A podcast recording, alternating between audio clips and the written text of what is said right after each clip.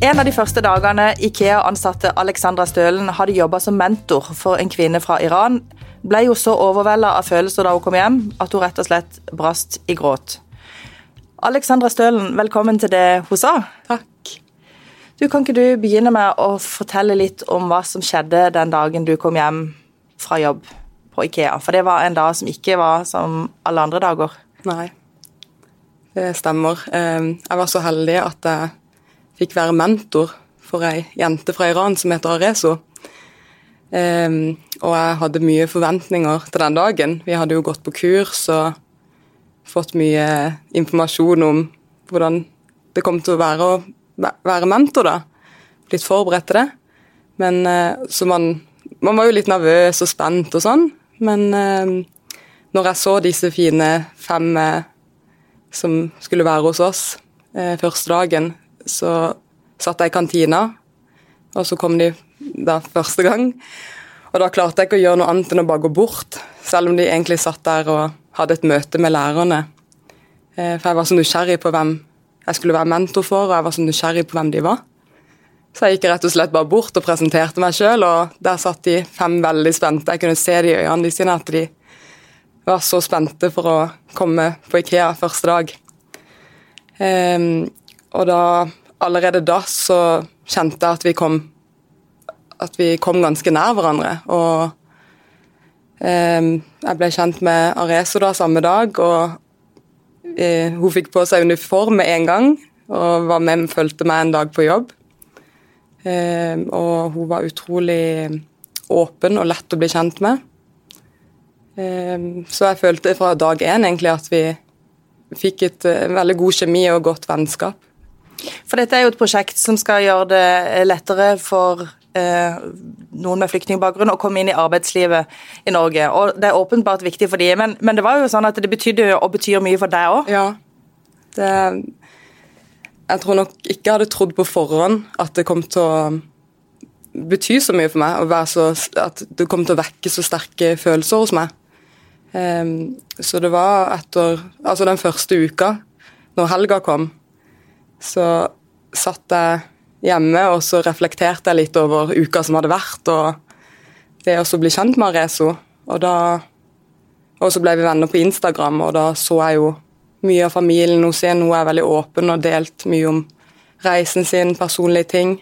Og da bare brast jeg ut i tårer. Eh, fordi selv om jeg er hos sin mentor eh, og skal lære henne mye i arbeidslivet, så føler jeg at hun lærer meg veldig masse. Både som eh, kollega og eh, som menneske, da. Mm. Du, og du hadde også fortalt henne at du skulle til eh, Fjellandsenden og, og, og, være med i en podkast i dag. Ja. Og hun syntes det var helt ok at du fortalte litt om, om den relasjonen som dere har fått. Ja. Du, Kan ikke du prøve å beskrive litt om eh, hva det er du gjør som, som mentor? Hva, hva, gjør en mentor i et sånt prosjekt? Eh, Først og fremst så går de jo på norskskole for å lære norsk, så det er jo veldig viktig at vi prater norsk med dem. Hun her har jo en bachelor i engelsk, så det er jo veldig fristende mange ganger å snakke engelsk med henne. Um, så det jeg må ta meg sjøl i, da, det er jo å snakke sakte. Og ikke ha sånne breie konsonanter, da. Um, og så må jeg vise ting jeg gjør, ikke bare forklare, men også vise. Så det handler om å ja, gå foran som et godt eksempel. Eh, la henne få lov til å prøve å gjøre arbeidsoppgaver, ikke bare gjøre ting for henne. Og stille spørsmål, spørre om hun har forstått det jeg har vist henne, og spørre om det er noe hun lurer på. Jeg har skjønt på det, eh, Alexandra, at du, du, har en, eh, du har et sterkt engasjement et, et samfunnsengasjement, og du, du brenner for, for, andre mennesker òg. At de skal bli integrert, at de skal bli sett. Mm. Eh, og jeg vet at du for noen år siden faktisk starta et sånn helt spesielt um, Skal vi kalle det et prosjekt, eller hva skal vi kalle det, på, på Instagram? Det var i 2016. Så så jeg et program på NRK, Brennpunkt. Eh, det var om eh, tre brødre på flukt fra Syria. Eh, og det gjorde så inntrykk på meg at jeg klarte ikke å sove den natta. Jeg lå bare våken og tenkte og tenkte og tenkte. Og det var eh, på den tida hvor det var veldig mange syrere som kom til Norge. Eh, og det var veldig mye negativitet på nett. Eh, mye negative kommentarer og hets. Eh, og det kjente jeg at jeg syntes var så trist. Trist å tenke på eh, at de har rømt fra krig, kommer til et fremmed land, og så blir de møtt med ja, sånne kommentarer eller kulde. og eh, Mennesker som kanskje ikke snakker til dem. Det er ikke så lett å bli kjent med folk når ikke du kan språket. Eh, så jeg ville bare bevisstgjøre folk. Og så hadde jeg ja, jeg spurte litt venner og familie og prøvde å finne litt ut av hva er det som gjør det så vanskelig. Og, eller hva er det som gjør at man får litt sånn frykt for det ukjente eller for mennesker. da. For du tror egentlig at det du beskriver henger litt sammen med fremmedfrykt? Ja. Men, men hva gjorde du helt konkret, da? Ja, da begynte jeg og så Jeg stilte jo de spørsmålene da, og så tenkte jeg med meg sjøl at det trenger jo ikke å være så vanskelig alltid. Og jeg tenkte jo litt mer på mine egne min egen erfaring òg. Og det der med å noen ganger kjenne et sånn, litt sånn ubehag da, og ikke vite helt hva man skal gjøre eller si. Men så tenkte jeg et smil trenger ikke å være noe mer enn det. Og det kan føre til så mye. Um, for et smil kan føre til en samtale. Det, det får, det, da ser man mennesker. Og jeg vet hvor mye et smil kan bety for meg òg. Da fikk jeg en fotograf eh, fra Stavanger ned til Kristiansand. Eh, og han tok bilder av folk, eh, folk på gata, rett og slett. Masse forskjellig. Alt fra venner og familie til folk som jobber her på restauranter i Kristiansand. og og Til og med Jesper ja. Mathisen var med. Han har enda profilbildet med 'Smil til en flyktning'. Ja, for det, det var det du kalte prosjektet. 'Smil til en flyktning'. Ja, så det ble et veldig stort engasjement rundt det. Og ja, det gjorde meg veldig stolt. Og det var ikke noe sånn jeg prøvde å være litt anonym, at det var jeg som hadde lagd prosjektet. For jeg syntes det var litt spennende at det bare skulle rulle og gå. og Det ja. spredde seg rundt om i hele landet, og til og med fra Danmark fikk jeg bilder. Fra Israel. Eh, og så skrev de tekst under bildet, da. Et sånn sitat. Personlig sitat. Men du, den følelsen det ga deg når du, du, så det som du tenkte var Eller du så at det var et problem eller en, en utfordring der, og du hadde lyst til å gjøre noe med det, og så tok du noen grep, og så bare ruller ballen. Eh, kan ikke du beskrive følelsen? Uh, ja, først og fremst så kjente jeg jeg kjente sånn sterkt uh, følelse på at dette var noe jeg trengte å gjøre. Um, og så tenkte jeg ikke så mye mer rundt det, jeg bare gjorde det. Og når det begynte å rulle og gå, og folk ble så engasjerte i prosjektet, så ble jeg så stolt. Uh, og jeg tror per dags dato, foruten å være mentor til Arezo, da, for det er jeg også veldig stolt over, så er det noe som jeg er veldig stolt over at jeg har gjort. Og så var Det sånn at uh, det var også noen som kom til deg og fortalte hva de hadde gjort med dem. Det var vel noen som endra synspunkt på, på andre si, etter, ja. etter, å ha vært med på det. Er det, noe du kan, er det noe du kan fortelle? Ja, jeg hadde f.eks. ei som kom og sa til meg at hun hadde hun fikk et sånn ubehag når hun så noen tigde på gata. Um, og så hadde hun fulgt med på prosjektet mitt, og så hadde hun tenkt jeg skal teste det ut. Så var det, ja, så var det smilt til hun som satt uh, på gata. Da, tigga, ja. ja. Og så hadde hun fått et smil tilbake, og så hadde hun kjent på en sånn indre følelse Hun hadde følt litt skam da, sa hun, men hun fikk en sånn god følelse at det var ikke så farlig. Og etter det så gikk hun og smilte til henne hver gang hun så henne, og så begynte de å prate litt. Ja, så det kan faktisk føre til endringer. Ja. Du, du har jo en, en bakgrunn sjøl eh, som ikke er sånn helt A4. Nei. Fordi du har jo eh, sagt til meg at du også har kjent litt på litt sånn anner, annerledeshet. Um, hva, hva, er det som gjør det? Da vil du fortelle om bakgrunnen din? Ja, det vil jeg gjerne. Um, jeg er jo da halvt fra Gambia. Min pappa er fra Gambia, og mamma er norsk. Um, og så har jeg søster, lillesøsteren min er halvt fra Israel, og min bror er halvt fra Marokko. Så vi er jo veldig flerkulturelle da, i familien. Um, og uh, når jeg vokste opp, så bodde jeg på Ustvik. Gikk på Ustvik skole, og da var vi ikke så mange med annen hudfarge på skolen. Um, så jeg ble jo kalt brunost og ja. Det er jo ikke akkurat så farlig nå, men som barn så er det ganske ja, man har ikke lyst til å se annerledes ut. da. Man vil helst passe inn. Men hvis jeg har forstått, forstått det rett, så har du hatt noen sånne opplevelser. Men eh, i dag så opplever jeg at du ser på det som en styrke. At det er en, en ressurs du har med deg. Eh, at du, du, har en, en, du har en spesiell forutsetning til å forstå de som både føler seg annerledes, eh, og de som kanskje eh, er redd for ikke å bli akseptert. Mm. hvordan kan du bruke det, hvordan bruker du det som en, en ressurs i møte med, med andre mennesker, som f.eks. Uh, hun som du er mentor for? Det er jo det som er så fint for meg og Rezo. Vi, vi kommer jo fra forskjellige land, men vi er jo helt vi er jo jevnaldrende, vi har masse til felles. Um, ja, så da gir det mening, og det føles egentlig som ja. vi har kjent hverandre hele livet. Og det handler om å tørre å bli kjent og tørre å uh, være nysgjerrig på andre mennesker. Du, du har fortalt meg at, uh, og du nevnte også at faren din kom fra, fra Gambia. Mm -hmm. og da du var liten, så hadde du et litt mer sånn anstrengt forhold til det. men så har du egentlig lært å bli stolt av det. Ja. Kan du fortelle litt om det? Den prosessen? Ja, det er jo Når man blir mer voksen, så blir man mer Aksepterer man seg selv for den man er.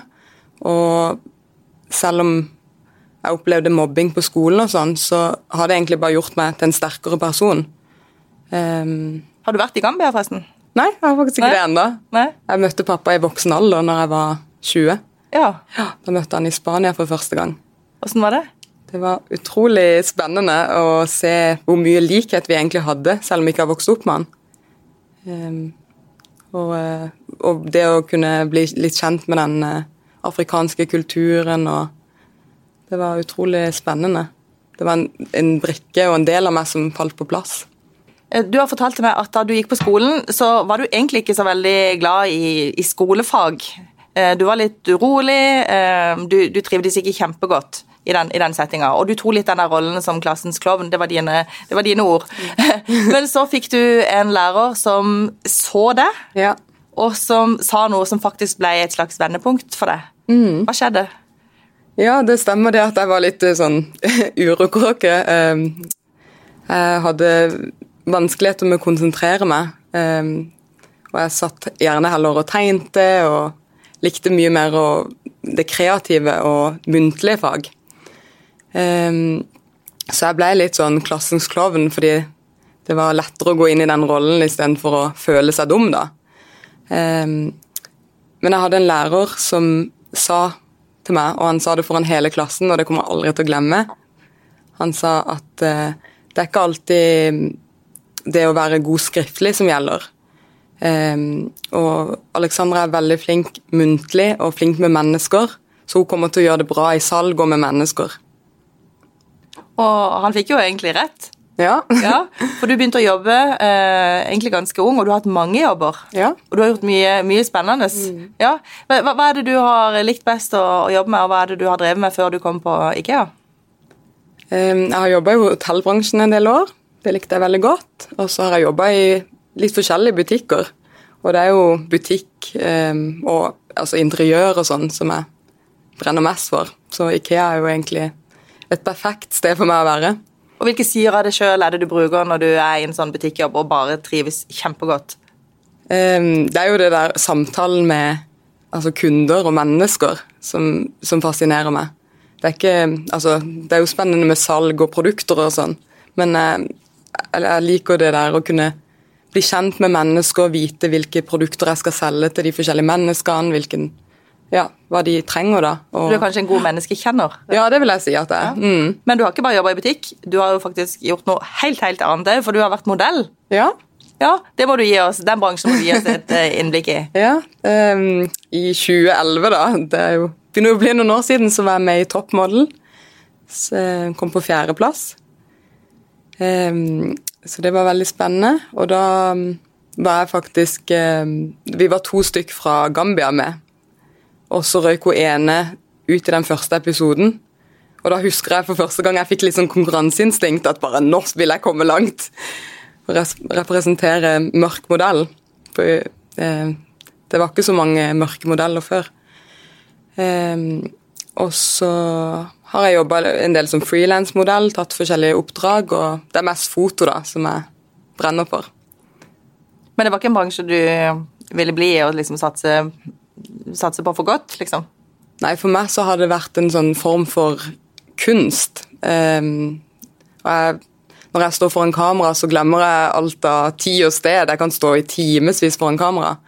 Um, men det er noe med at um, jeg har det gøyest når jeg har litt kontroll over det selv og velger litt oppdrag selv. Og man lærer å gå inn i roller, og det syns jeg er utrolig spennende. å kunne og Jeg tror det er derfor òg jeg er en god menneskekjenner, fordi jeg kan sette meg inn i sette meg inn i andre veldig lett, og følelsene til andre. Og det bruker jeg også veldig mye når jeg tar bilder. Eh, og altså ikke bare andre, andres eh. Men du fotograferer mye sjøl også? Ja, jeg er veldig glad i å ta bilder òg. Dette her Ikea-prosjektet, vi må mm litt tilbake til det. For det, det, du gjør på Ikea, er egentlig at du jobber med sesongvarer. Stemmer ikke det? Det er det du gjør i utgangspunktet? Ja, det er jo sånn aktivitetsstilling, så jeg har eh, ansvar for eh, de forskjellige utstillingene rundt forbi på huset. Og ja, sesong som jul og, og sommersortimenter. Det er et stort, eh, et stort konsern å, å, jobbe i. Hvordan arbeidsplass er IKEA? Vet du hva, Det er den fineste arbeidsplassen jeg har vært på, i hvert fall så langt. Det er jo utrolig mye å lære der, og det er så fine folk som jobber der. Vi har så fine verdier. Um, og bare det at vi tar inn uh, mennesker for å få dem inn i arbeidslivet, det syns jeg er utrolig flott, altså. Og til de som ikke kjenner det prosjektet, Vi har jo skrevet litt om det i Fjellandsenden, mm. så kan vi jo bare sånn forklare det litt kjapt. for Det er et globalt prosjekt som IKEA har, hvor de samarbeider med Kongsgård skolesenter og med Nav, ja. som handler om å få eh, gi praksis og yrkestrening til flyktninger, først og fremst. Mm. Vi håper jo på at flere bedrifter ønsker å ta inn eh, elever til, ja. Eh, til, å komme inn i arbeidslivet, og målet er jo at vi skal ansette 50 du, Vi har noen sånne faste poster i, i sa. Eh, den ene posten den handler om at eh, gjesten skal få lov til å fremsnakke noen som er viktig for dem, eller noen de har blitt inspirert av. Så da lurer jeg på, hvem har du lyst til å, å fremsnakke? Jeg har lyst til å fremsnakke Areso, hun som jeg er mentor for. Jeg syns hun har en vanvittig fin utstråling, et uh, utrolig sterkt uh, engasjement. Uh, hun har en historie som har rørt meg veldig, og hun er en skikkelig stå-på-kvinne. hun bare utstråler masse kjærlighet og varme for de rundt seg. Du, Så har vi et annet eh, fast element, um, og det handler egentlig om Det er jo litt sært, da. Det blir jo en litt brå overgang da fra, fra fremsnakken. Men ja. er det noen ting eh, Alexandra, som du bare nerder skikkelig på? Noe du liksom dypdykker i? Ja, det er nok interiør. Ja. ja. Så jeg er veldig glad i å være inne på Pinterest og gå inn på alle mulige Søke på alt mulig og lagre disse i mappene mine. og finne inspirasjon til nye ideer og du, Er det noe du er best i verden på? Kanskje ikke sånn formelt, men som du tenker at dette er iallfall supergod på? Um, jeg er veldig god på å gi gode klemmer og se når mennesker trenger det. Det har egentlig vært hele siden jeg var liten. Jeg har veldig fort plukka opp hvis noen har en dårlig dag, eller så, begynner, så prøver jeg å bli litt mer bevisst på For vi er jo veldig her på Sørlandet til å si Går det bra? Og da må man jo alltid bare svare Eller de fleste svarer bare ja, eller det går bra. Men jeg går litt dypere og spør hvordan har du det egentlig? Og ja, en god lytter òg, det vil jeg si.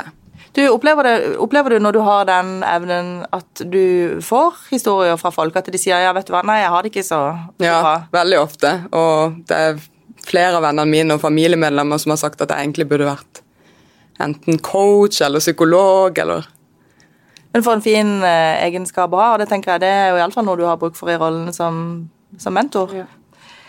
Du, eh, er det en jobb som du absolutt ikke kunne hatt?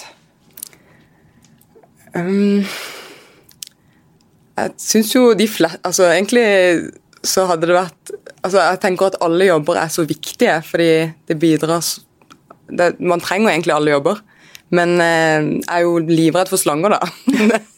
så jeg kunne ikke vært noen sånn slangetemmer eller jobba i tåkeskogen i Dyreparken. Det, der går jeg ikke inn engang. Det er heldigvis ikke så mange jobber med, med slanger. Nei. Det betyr at du kunne hatt ganske mange jobber, ja, egentlig. jeg er ganske fleksibel sånn. Ja, ja det er bra. Ja.